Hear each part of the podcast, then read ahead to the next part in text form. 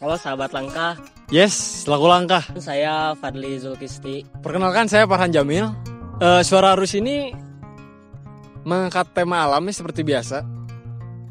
Cuman bentuknya bukan film pendek. Apa ya konsepnya ya narasi monolog lah. Narasi monolog yang divideokan. Ya kurang lebih seperti itu. Mengapa laku langkah harus membawakan suara arus?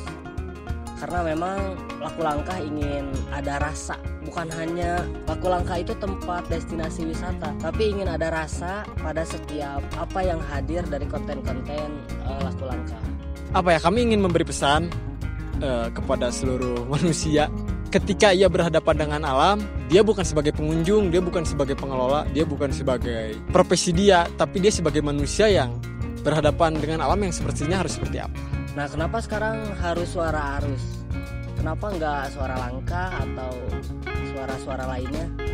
Melihat dari filosofi awal adanya suara arus, sebenarnya diadakannya suara arus itu ingin menanamkan bahwa segala sesuatu yang disampaikan itu harus bisa mengalir seperti arus, seperti air, tenang, dan sadar bahwa dia itu ada di sana.